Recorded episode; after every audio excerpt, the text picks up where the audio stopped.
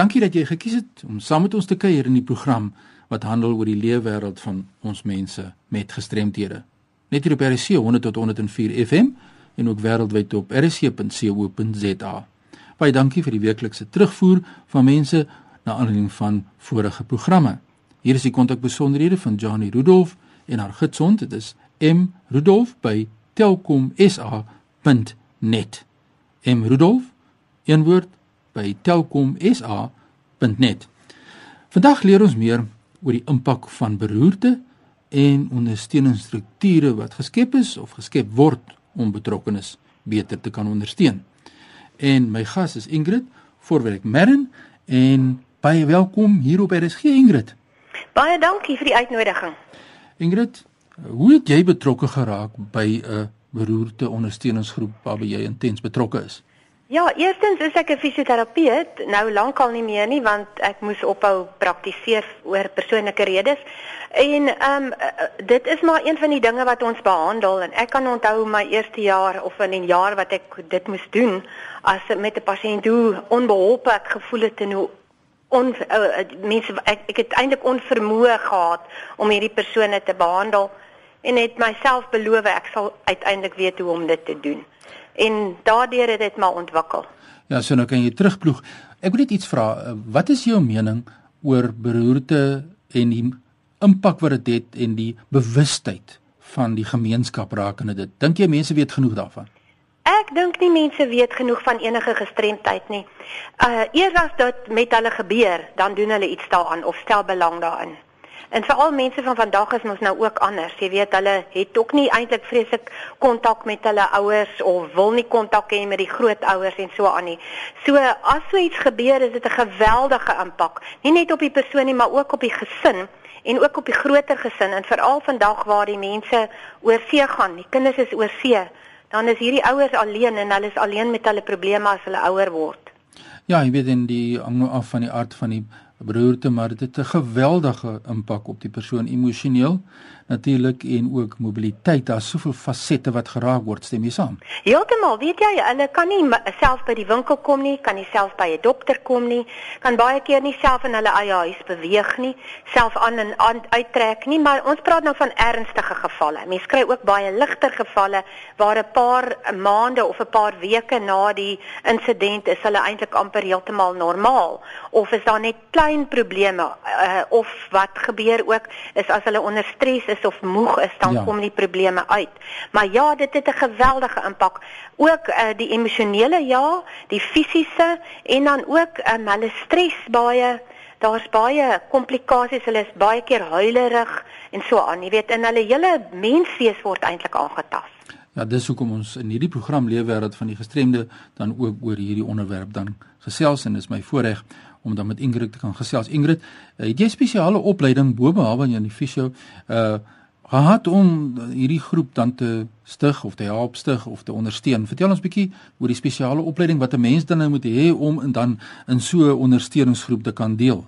Nee, Fanie, weet jy, ek dink 'n mens het net empatie nodig want uh, dit wat ons nodig het in ons ondersteuningsgroep byvoorbeeld ehm um, ons kyk na watter ein um, eienskappe het het 'n persoon en dan gebruik ons daardie eienskappe. As ene byvoorbeeld kan tee maak, dan gebruik ons hom in daai hoedanigheid. Ek praat nou van die helpers, nê, van die vrywilligers. Ja. Maar die ander mense, ons het altyd uh, professionele mense nodig, soos fisioterapeute, arbeidsterapeute, spraakterapeute, sielkundiges, 'n dokter hier en daar, um, om te kom help met um, vrywillige werk. Jy weet hulle gee groepsterapie of hulle kom gee 'n lesingkie of hulle ehm uh, kan bloeddruk kom neem. Ons het byvoorbeeld op 'n stadium 'n suster gehad wat elke week vir ons mense kom bloeddruk neem het en die suikergehalte van hulle bloed getoets het nou en dan. Want sulke dinge is ook nodig. Hierdie mense het nie altyd geld om na 'n dokter toe te gaan of na terapie toe te gaan nie.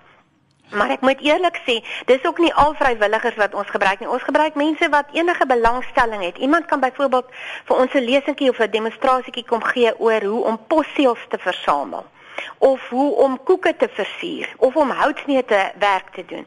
Weet so ons het vrywilligers van 'n breë spektrum nodig. Jy het geen absoluut geen onder, uh, ondervinding of opleiding nodig nie.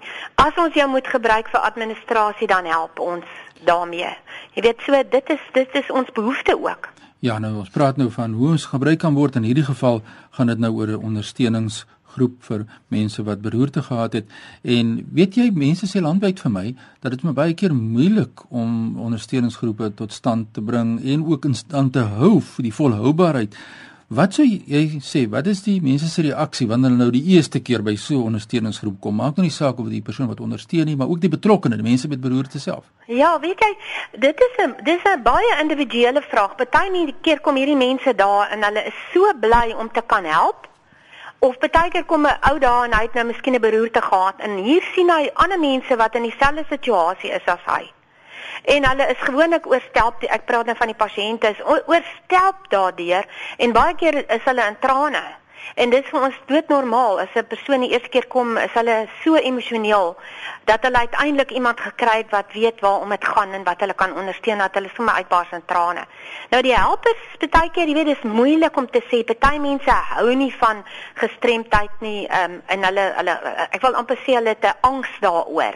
Ehm um, maar ons probeer altyd kyk waar kan ons so iemand dan hanteer. Jy weet, uh, en en ehm um, weet jy die groep is so emosioneel ondersteun ondersteunend vir mekaar. Ook die vrywilligers vir onder mekaar en en vir die jy weet die die lede. Ehm um, dat ek dink mense hanteer dit maar soos dit kom, maar enigiemand is welkom in in en en die ehm uh, jy weet die reaksie is verskillend. Sê vir my die res van die families of die res van die familie maar mense wat nou nie regstreeks daardie geraak word soos die persoon self nie, maar hoe sou jy sê is mense gewillig om na vore te kom eh, om deel te wees van die proses of ek weet baie keer so sekere forme van gestremdheid die mense skryf dit af op die gestremde persoon self, maar die res van die familie of vriendekring raak nie eintlik betrokke nie. Nee, baie dikwels nie, maar intussen tyd kry nou weer ander wat wel betrokke is. Jy weet, ons het 'n paar van die mense wat vrywilligers gebly het nadat hulle ouers oorlede is. Ja, um, en ek kry baie keer dat 'n vrou 'n man sal bring, maar 'n man sal nie sy vrou bring nie. Ja. Dis nogal interessant, nê. Ehm um, dit wissel, dit wissel. En ek dink dit hang af van hoe die gesin as 'n struktuur werk. Maar ehm um, ja, mense kry baie keer uh, oproepe of e-posse kry van die webwerf af dat mense ehm um, my skakel of uh, jy weet met ons kontak maak en dan sê hulle vir ons ehm um, jy weet wat kan ek met my ma doen sy het beroerte gehad en niemand kan kan cope nie om nie mooi Engels te sê. Ehm um, jy weet en dan wil hulle ook sogenaamd hierdie persoon aflaai of dump. En ehm um, dis moeilik want so 'n persoon moet eintlik maar in sy familie bly en ehm um, en die beste hanteer word in sy in hulle gesinsverband by 'n huis want dis maar waaroor dit gaan in die lewe, jy weet. Jy wil nie jou ouer in 'n plek insit waar hy net heeldag in 'n kamertjie sit nie en geen stimulasie kry nie want dit gaan ook daaroor. Jou potensiaal om te verbeter is so goed soos wat jy het, uh wat jy insit. As jy hard werk aan jou uh, rehabilitasie dan het jy 'n beter produk. Ja, dis net by ek wil jou vra gevra het hoe lyk die toekoms is baie individueel hang af van die persoon se eie omstandighede, die toekoms van so 'n persoon, maar in ons eie familie kan ek ook getuig, jy weet iemand is nou vandag miskien die die eggenoot en môre die sorgpersoon of die helper na so 'n insident van beroerte. Dit is 'n dramatiese ervaring en belewenis vir die mense om nou weer skielik daai nuwe rol dan te oor te skakel na en uh, daarom is 'n uh, ondersteuningsgroep soos hierdie uh, baie baie baie nodig. Hoe lyk die res van die land se ondersteuningsgroepe? Is daar baie ondersteuningsgroepe soos hierdie? Uh, daar is 'n paar, maar ek wil net vir jou sê niemand kon dit beter verduidelik het as wat jy nou net gedoen het nie, hoor. En uh, daar is 'n paar, ek weet van eene in Somerset West, daar's 'n uh, 'n uh, uh, head injury group um en ook 'n stroke aid society in Johannesburg en dan ons um jy weet daar is nie verskriklik baie nie. Dis die jammerte daarvan. Ons het 'n paar jaar gelede, omtrent 30 jaar gelede vreeslik hard probeer om 'n nasionale vereniging te stig en dit kon net nie gebeur nie. Jy weet want daar is so baie ander gestremde groepe en die die uh wetstoepassing en die goeters daaroor was nogal moeilik. So elkeen het nou maar op sy eie aangegaan, maar die meeste van hierdie goed vou. Want dit gaan oor iemand wat dit dryf. Dit gaan oor die ondersteuning vir daardie persoon en dan natuurlik, jy weet, mense soos beroerte mense, hulle gaan dood. Ja. En hulle word oud. So ons moet die heeltyd bemark om nuwe mense te kry, soos ons reg aan die begin gesê het. Mense stel nie belang nie tot dit met hulle gebeur. Ja, dit is voorwaar so en is so lekker om met jou te kan gesels wat regstreeks deur hierdie uh struktuur wat jy dan geskep het geraak word en die suksesse sien. Betaal mense lidmaatskap fooi by julle? Ons ons vra lidmaatskap want as jy nie inkoop nie dan daag jy nie op nie of jy weet jy voel nie betrokke nie.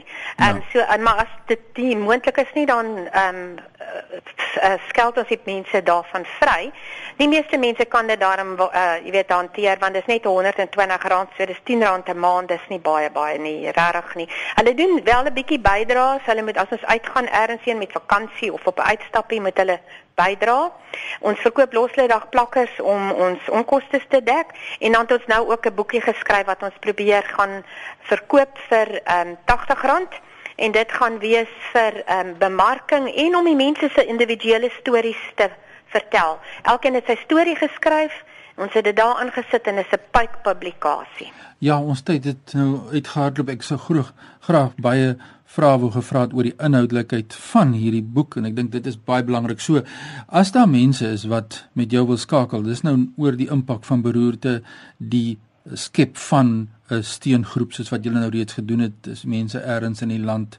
Julle het 'n kontak uh, besonderhede wat hulle kan skakel of jou persoonlike kontak, waar kry hulle jou in die hande om kers op te steek en natuurlik ook op hoogte kan kom van die inhoud van hierdie boek. Ek dink dit is baie belangrik. Ja nee, dit is dit is ehm um, heeltemal moontlik ons het 'n webwerf ja. en dit is Stroke Support Group en ehm um, ons het dan ook 'n Facebook ehm um, 'n groep en dit is ook Stroke Support Groep maar ons het dan Pretoria agterna en ons het ook um, ons telefoon uh, nommer en ons selfoonnommer en alles is daar beskikbaar as ook 'n koneksie jy weet 'n link om te gaan om die boek te bestel en te koop want hy's ook as 'n e-boek uh, beskikbaar. Dit is wonderlik. Ja, dit maak weer 'n ander uh, groep oop van tekengroep wat mense kan daar ook inligting bekom. Nou dit is Ingrid voorwerk Mern wat so lekker gesels het met my oor 'n ondersteuningsgroep vir mense wat beroerte het. Geen net vir ons weer een van die kontak besonderhede daardeur dat ons net weer seker maak dat mense jou kan skakel want ek dink daar's baie mense wat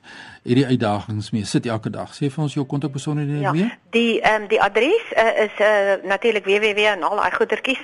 Ehm um, Stroke Support Group en dan op 'n Facebook is dit Stroke Support Group Pretoria. Nou ja, daar het jy dit. Dit is die kontakbesonderhede van uh, Ingrid Voorwerk Merren en die groep daar. Baie sterkte was regtig vir voorreg met jou te kan gesels en ons op hoogte van die vordering daar by julle hoor en ook landwyd dat ons die inligting aan die luisteraars van RSC kan deurgee. Baie sterkte vir jou hoor. Baie dankie. Nou ja, so het ons 'n storie om te vertel. Elkeen het 'n storie om te vertel. Indien enige navrae het of voorstel wil maak in hierdie program, stuur sommer nou 'n e-pos aan my by fani.dt@mweb.co.za. Jy kan my natuurlik volg op Twitter by fani dreams. En natuurlik baie belangrik om te onthou dat hierdie program word ook woensdaeoggend om 3:15 herhaal en dan hierdie program of die programme van Leefwêreld van die Gestremde kan afgelaai word deur middel van potgooi. Besoek die webtuiste van rsc.co.za en volg net die instruksies. Groetnisse uit Kaapstad.